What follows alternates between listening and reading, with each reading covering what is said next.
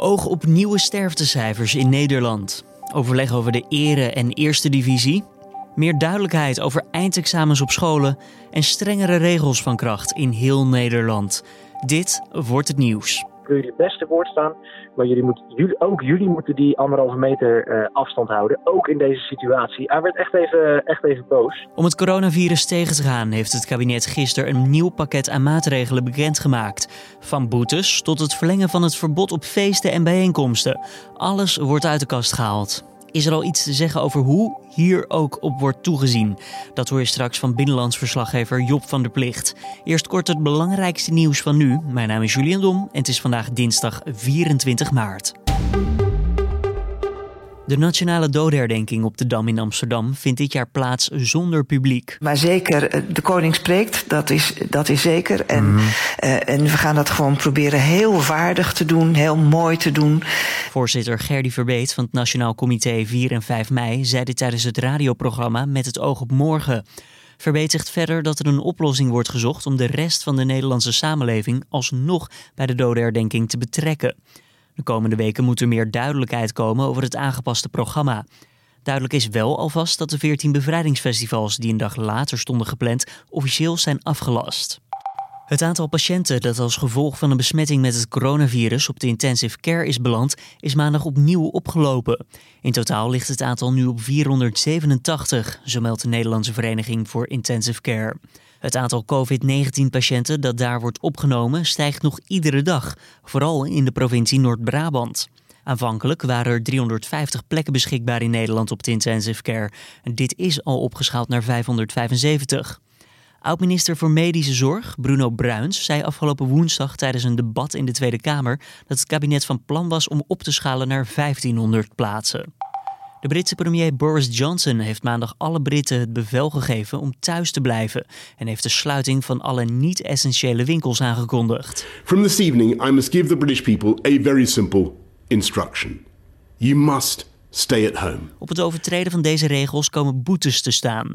De enige uitzonderingen op die regel zijn doen van boodschappen, verzorging van hulpbehoevenden, lichte lichaamsbeweging of medische redenen. Reizen voor werk mag alleen als het echt niet anders kan. Johnson riep de Britten op om ook thuis geen mensen van buiten de woning te verwelkomen. Op straat geldt een samenscholingsverbod voor groepen van meer dan twee personen. In Retail, de brancheorganisatie die circa de helft van de non-foodwinkels in Nederland vertegenwoordigt, is blij met de aangescherpte regels met betrekking tot het coronavirus. Winkeliers moeten er onder meer voor zorgen dat klanten zich houden aan de regel dat anderhalve meter afstand moet worden gehouden. Dat moet vanaf nu bij de ingang duidelijk gemaakt worden. Wanneer winkeliers zich niet aan de afspraak houden, kan de burgemeester besluiten de zaak te sluiten. Formule 1-baas Chase Carey denkt dat de aangepaste kalender van de koningsklasse in de autosport 15 tot 18 races zal tellen. Dat is als er vanaf de zomer weer geraced kan worden. De Amerikaan verwacht dat zijn sport meteen klaar zal zijn voor de eerste Grand Prix op dat moment. Door het coronavirus werden de eerste acht races, waaronder die in Nederland, van de oorspronkelijke Formule 1-kalender uitgesteld of van het programma gehaald. Er moet nog flink worden gepuzzeld voor een nieuwe kalender. Eerder werd daarom de verplichte zomerstop al vervroegd naar maart en april. Dan ons gesprek van vandaag. Het kabinet maakte gisteren nieuwe en strengere maatregelen bekend om de verdere verspreiding van het coronavirus tegen te gaan. Zo wordt het verbod op grote evenementen tot 1 juni verlengd en kunnen er boetes worden opgelegd aan mensen die zich niet houden aan het groepsverbod. Een lijst met de oude en nieuwe maatregelen kan je vinden in de beschrijving van deze podcast. Nadat het pakket bekend werd gemaakt in de persconferentie, kwamen de veiligheidsregio's bijeen voor overleg. Dat ging onder meer over hoe zij met de nieuwe maatregelen moeten omgaan en hoe ze dit kunnen uitvoeren. Collega Carne van der Brink praat hierover met binnenlandverslaggever Job van der Plicht, die gisteren in Utrecht was. Om even duidelijk een beeld te schetsen, vroeg Carne, wat zijn nou de veiligheidsregio's en wat doen zij? Nou, we hebben er 25 in Nederland. Je moet het eigenlijk zien als een soort uh, regionaal overleg uh, tijdens een crisis. Uh, en dat kan een, bijvoorbeeld een grote brand zijn, maar dat kan ook zoals in dit geval een, een coronacrisis zijn waar we nu mee te maken hebben. en dat zijn dus regionale overleggen. Dus nou, je in Friesland, Amsterdam, Amsterdam, Rotterdam, Rijnmond. nou, zo, zo, zijn die een beetje verspreid over het land. En gisteravond zijn dus de 25 voorzitters daarvan. Dat zijn burgemeesters van grote steden binnen zo'n veiligheidsregio. Die zijn voorzitter van zo'n veiligheidsregio. Die zijn samengekomen in het Veiligheidsberaad. En dat is dus de overkoepelende organisatie van alle veiligheidsregio's om uh, te praten over uh, ja, hoe, de, hoe de handhaving, uh, hoe daar invulling aan kan worden gegeven. De regering kwam gisteren met een hele lijst aan nieuwe, strengere maatregelen. Zoals als je thuis koorts hebt, dan moet je echt thuis blijven, maar ook je hele gezin. Of grote evenementen zullen niet tot 6 april, maar echt tot 1 juni afgelast blijven. Of als je buiten loopt met een grote groep van meer dan drie personen, dan kan je een boete riskeren. Uh, hoe blij zijn de veiligheidsregio's met deze nieuwe rits aan maatregelen? Ja, je, kan wel zeggen erg enthousiast. Het gesprek duurde ook niet uh, heel erg lang tussen de 25 burgemeesters. Uh, je moet je voorstellen als 25 man bij elkaar in een zaal zit, ja, goed, dan ben je al gauw misschien al drie, vier uur aan het praten als iedereen zijn zegje wil doen. Ze zijn gisteravond om zeven uur begonnen. Ik denk dat het nou, tegen, misschien was het net negen uur dat ze weer allemaal naar beneden kwamen en dat het gesprek er dus op zat. Dus ze hebben twee uur met elkaar gesproken. Dat, dat vind ik vrij kort. Um, en nou, ze waren er snel uit en zijn erg blij met, met het pakket maatregelen wat het kabinet uh, aan ze heeft aangeboden. Ja, want het nieuwe pakket is eigenlijk nou deels ook wel een beetje ontstaan omdat dit weekend vele mensen toch de drukte opzochten. Er was natuurlijk de regel dat je anderhalf meter afstand uh, moest houden. Uh, daar werd in heel veel gevallen niet gehoor aan gegeven. Mensen gingen naar het strand of naar het bos en ja, verloren toch even het zicht op die anderhalf meter. Merkte je dat daar nog steeds heel veel frustratie was bij die veiligheidsregio's daarover? Ja, echt enorm. Uh, op het moment dat, um, dat Grapperhaus naar beneden kwam, uh, minister Grapperhaus van Justitie en Veiligheid, die was ook bij dat, dat overleg van die 25 burgemeesters aanwezig. Samen met Hubert Bruls, burgemeester van Nijmegen en voorzitter van het Veiligheidsberaad, deed hij het woord na afloop van, van die vergadering. En je moet je voorstellen dat uh, die, die burgemeesters samen dus met Grapperhaus allemaal uh, naar beneden kwamen. En uh, daar stond de pers, waaronder ik dus, die stonden hen daar op te wachten. normaal gesproken, in een normale situatie, dus zonder het coronavirus, is dat echt een. nou ja, goed, je, je ziet het wel eens op tv, dan, dan duikt iedereen als het ware op, op die mensen af om te horen wat ze te vertellen hebben. nu zag je wel dat, dat de journalisten afstand van elkaar namen. Uh, maar de eerlijkheid gebied te zeggen dat dat zeker geen anderhalve meter was. Dat viel uh, minister Grapperhaus ook op. En die werd echt als het ware even boos. En die zei: uh, Ik wil jullie beste woord staan. Maar jullie moet, jullie, ook jullie moeten die anderhalve meter afstand houden. Ook in deze situatie. Hij werd echt even, echt even boos. en die, die boosheid die, uh, nou, die, die behield hij niet tijdens het hele gesprek, maar op het moment dat het, het gedrag van, uh, van de mensen die zich niet aan de maatregelen hielden ter sprake kwam, uh, werd hij direct weer boos en sprak hij over ASO's en uh, mensen die nu nog. Uh, nou, ik, vroeg hem bijvoorbeeld of hij verwacht dat mensen nu nog steeds huisfeesten gaan houden. en toen gaf hij aan dat als mensen dat nu nog steeds doen, dat ze zich buiten de maatschappij plaatsen. Hij was echt heel fel. Um, dus ja, het, antwoord is wel, uh, ja, die frustratie die zit nog steeds wel hoog, ja. En ik kan me alleen maar één ding zeggen, als je nu in deze omstandigheden uh, een huisfeest houdt, waar gewoon uh, iedereen kan raden dat het niet mogelijk is om die anderhalve meter aan te houden, dan ben je stel ASO's. En ik moet echt zeggen, je plaatst jezelf, notabene, vind ik buiten onze samenleving, als je in, onder deze omstandigheden nog steeds feesten en partijen gaat geven. Dan plaats je jezelf echt buiten de samenleving. Want burgemeester Abu Talib van Rotterdam zei eigenlijk dit weekend al bij Nieuwsuur dat hij het beeld van mensen die de anderhalve meter regel niet serieus nemen zorgwekkend vindt. Was dit, denk je, voor vele burgemeesters en de regering de druppel die de emmer deed overlopen om tot de nieuwe maatregelen te komen? Ja, ik denk dat je dat misschien wel veel kan zeggen, ja.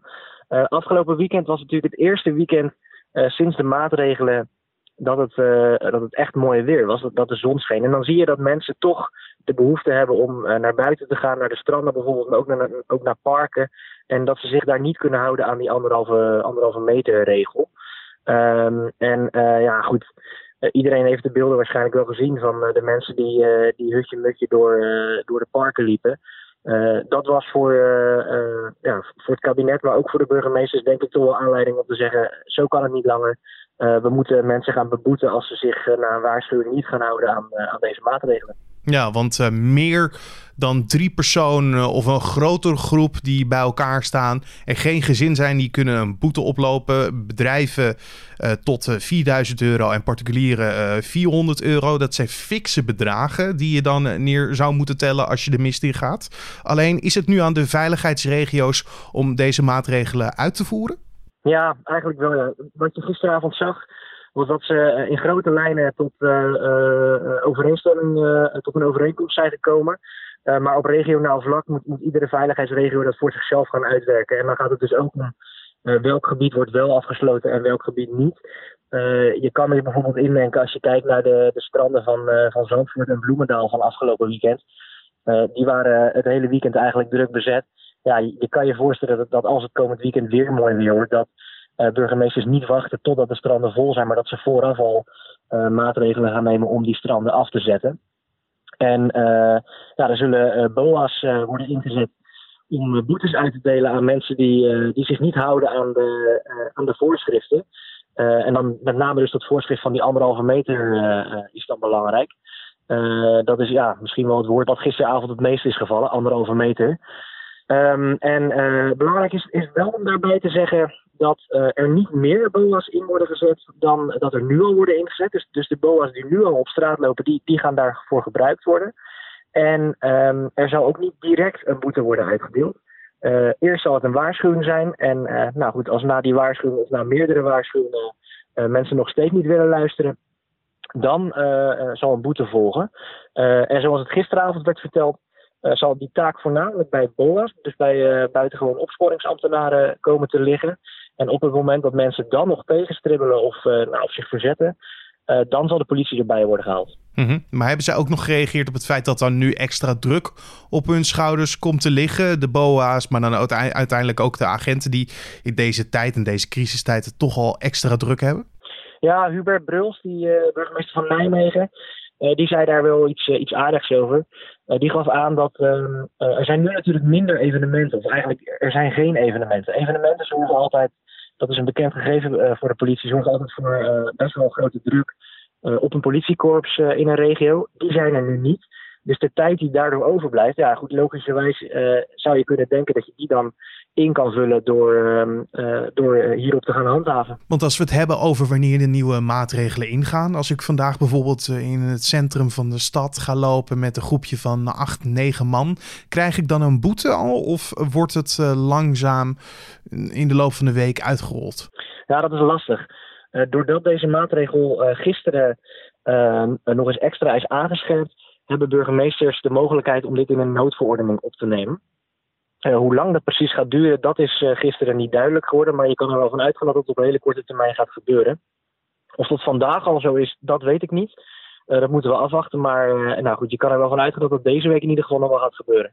Je hoorde verslaggever Joep van der Plicht. Wil je nog even rustig dus teruglezen wat nou die verscherpte maatregelen zijn? Bekijk dan de link in de beschrijving van deze podcast of zoek in de app of op de site op de kop. Dit zijn de verscherpte maatregelen vanwege corona. Dan kijken we ook nog eventjes verder naar de nieuwsagenda voor vandaag. Het RIVM komt rond half drie weer met nieuwe cijfers over de coronacrisis in Nederland. Van zaterdag op zondag stierven er 43 mensen, maar in de update van maandag liep dat dagelijkse aantal terug naar 34.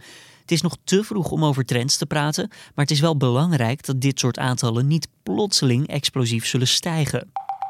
Verder heeft het kabinet maandag besloten dat er tot 1 juni geen sportevenementen mogen plaatsvinden in Nederland vanwege het coronavirus.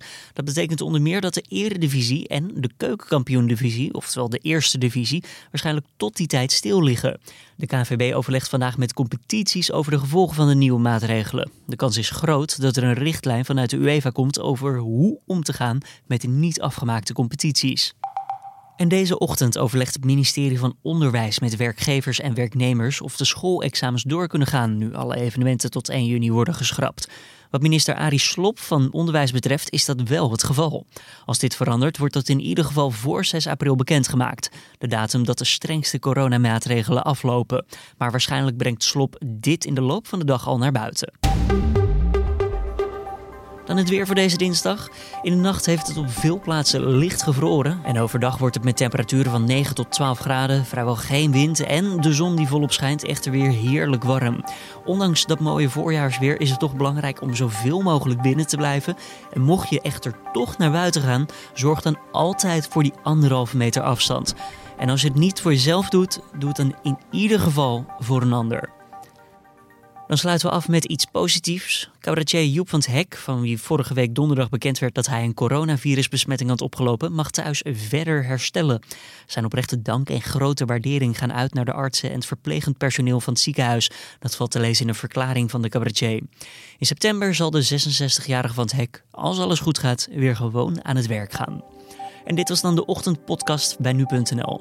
Vanmiddag kan je luisteren naar de middageditie met mijn collega Carne van den Brink. Tips of feedback zijn welkom. Doe dat via podcast.nu.nl en laat zoals altijd een reactie achter in een van je favoriete podcast-apps.